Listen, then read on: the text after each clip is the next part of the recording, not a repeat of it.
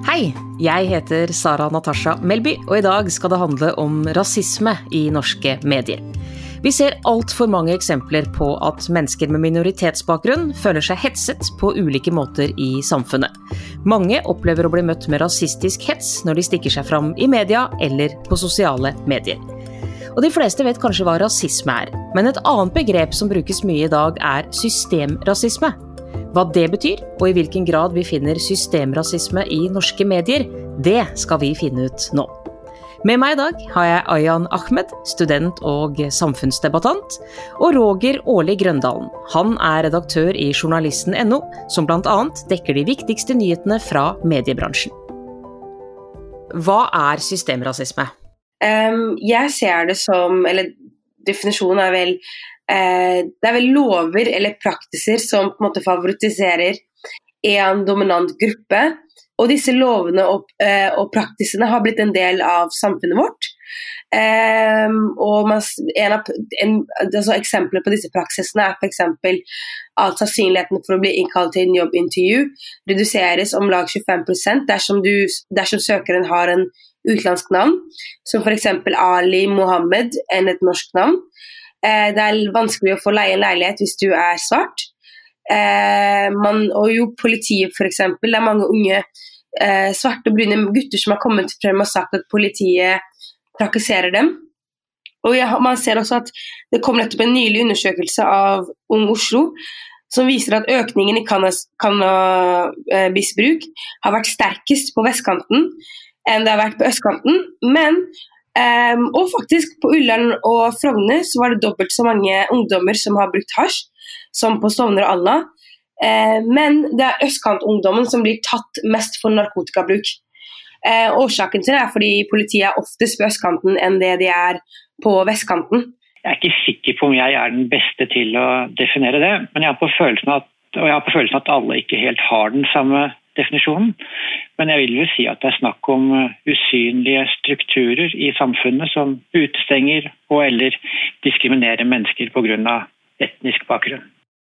Og med den definisjonen finner vi det i redaksjonelle og sosiale medier i Norge? Det blir jo synsing fra min side. Eh, så vidt jeg vet er det ikke gjort noen kartlegging av det i forhold til si, de tradisjonelle mediene eller de redaksjonelle mediene. Men teller man byline, da, hvem som har signert en artikkel i avis eller nettavis, er det fremdeles langt mellom de ikke-tradisjonelle norske navnene. Og på TV-skjermen er det også fremdeles flest med blåhvit vinterhud nå i desember. Men andelen har økt betraktelig siden årtusenskiftet. Eh, sosiale medier blir jo noe annet. Din nyhetsfeed er ikke lik min nyhetsfeed. Jeg syns det er vanskelig å mene om det finnes usynlige barrierer her, og hva man egentlig legger i det. Men alle kan poste, men alle blir jo ikke hørt i samme grad. Ja, på hvilke måter har du opplevd rasisme selv, Ayan? Um, oi, uh, der Min opplevelse er veldig likt veldig mange. Um, da jeg gikk på skolen, så ble jeg kalt N-ordet. Um, og ingen av mine lærere noen gang sa ifra til meg eh, eller til de andre rundt meg at det var galt. Og fordi jeg har en venninne av meg som sa, som delte en historie med meg, at hun ble kalt N-ordet så ofte at det på en måte ble en del av hennes navn. Um, og hun, bare, hun ble kalt N-ordet av andre elever foran henne. Og det var ingen lærere som satte henne ned og sa at vet du hva, det der fortjener ikke du å bli kalt, det er galt. Men Journalisten lager jo saker på Medie-Norge. Hender det at eh, dere skriver om rasisme i mediebransjen?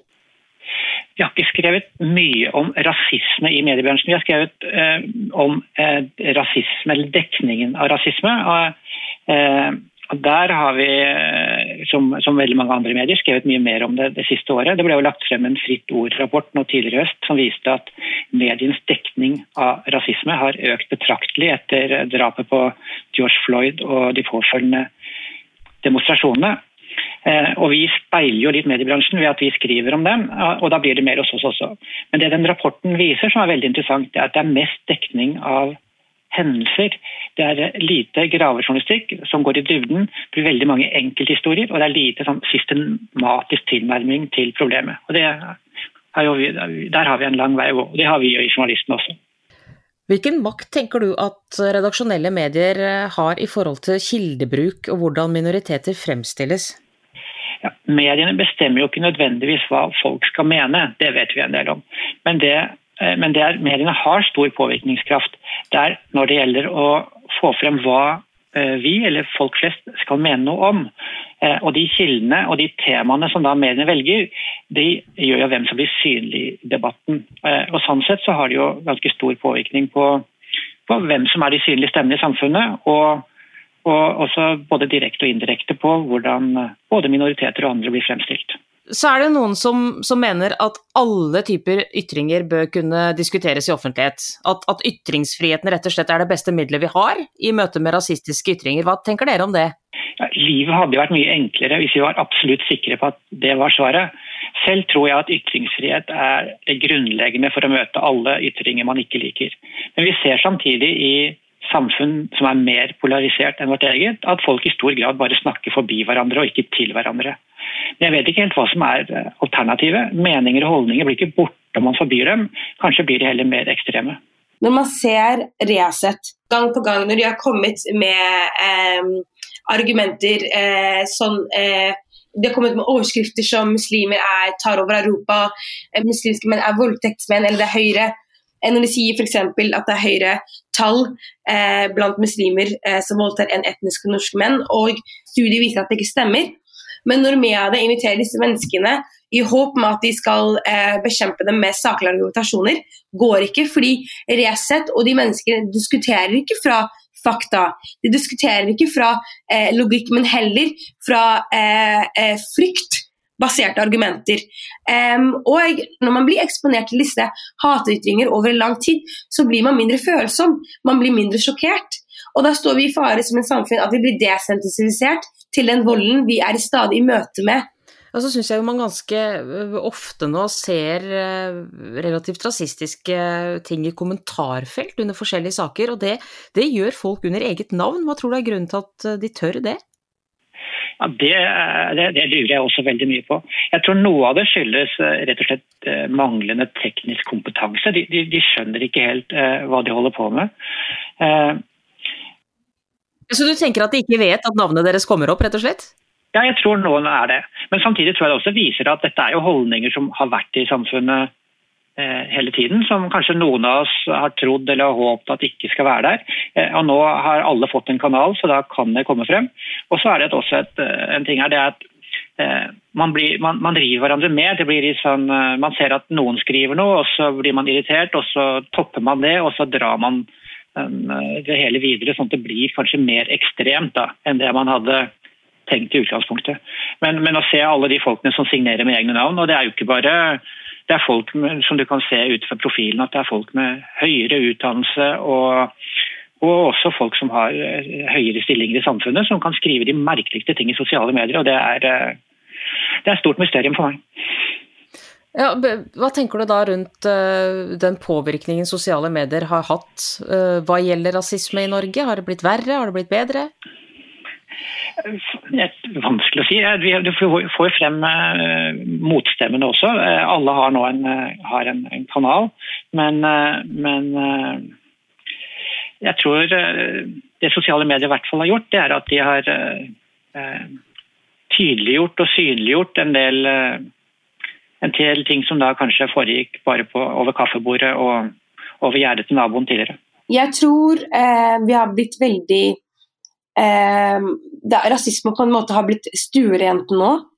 Eh, ting som, eh, som ikke helt var greit å si, har blitt mye mer greit å si nå. og Jeg tror det har litt med å gjøre at man ser at nynazistiske organisasjoner vokser. Eh, eh, man ser også at det er vel folk har de har på en måte begynt å organisere seg i disse chat-gruppene. Uh, han unge gutten som uh, prøvde å um, skyte seg inn i den moskeen, han var jo en del av et, uh, et, et hatbevegelse på nettet. Så det er skummelt å se, men man ser også at sosiale medier har vært med å bidra og øke kunnskap. Um, blant de som kanskje ikke eh, ville funnet på en annen måte. Man ser også at eh, hvordan eh, videoer lett sprer seg. F.eks. George Floyd den spredde seg på, på to-tre døgn, var det ikke? Mm. Hvor viktig tror du representasjon i media er å jobbe for, for å jobbe mot rasisme? Eh, veldig viktig. Jeg tror det er viktig at media slipper inn eh, flere eh, mennesker uh, med forskjellig bakgrunn. Jeg, så, jeg leste noe nylig at det var slik at NRK ble, eller, ja, NRK ble tatt for um, at de slipper inn for få Når det gjelder rasismedebatter, for få forskere. Og for få forskere, men heller med debutanter som snakker ut fra personlige opplevelser. Og det er viktig å få frem de personlige opplevelsene, men jeg tror noen ganger så blir vi eh, satt fast i enkelte opplevelser. Jeg tror det er veldig viktig at mediene speiler det samfunnet som de skal dekke. Eh, og Det gjelder jo ikke bare rasisme, det gjelder eh, alle områder. Eh, hvis det er hvite menn som nærmer seg 50, en gruppe som jeg selv tilhører, som, som sitter i alle posisjoner, så, så, blir det veldig fokus på det hvite menn som nærmer seg 50 er opptatt av. og det det, da, da, gjør ikke mediene jobben sin. De plukker ikke opp det problemene folk er opptatt av, og det som er kanskje problemene i samfunnet. og det, Samtidig er det viktig at både uh, kjønn, minoriteter uh, av alle typer er representert i mediene. Men da er det litt interessant å se på uh, hva som får spalteplass. Fordi at hvis, hvis, eh, noe får spalteplass som mange kan oppleve som rasistisk, så må jo noen sette de grensene. Noen må bestemme hva som skal komme på trykk. Hvordan skal man styre dette?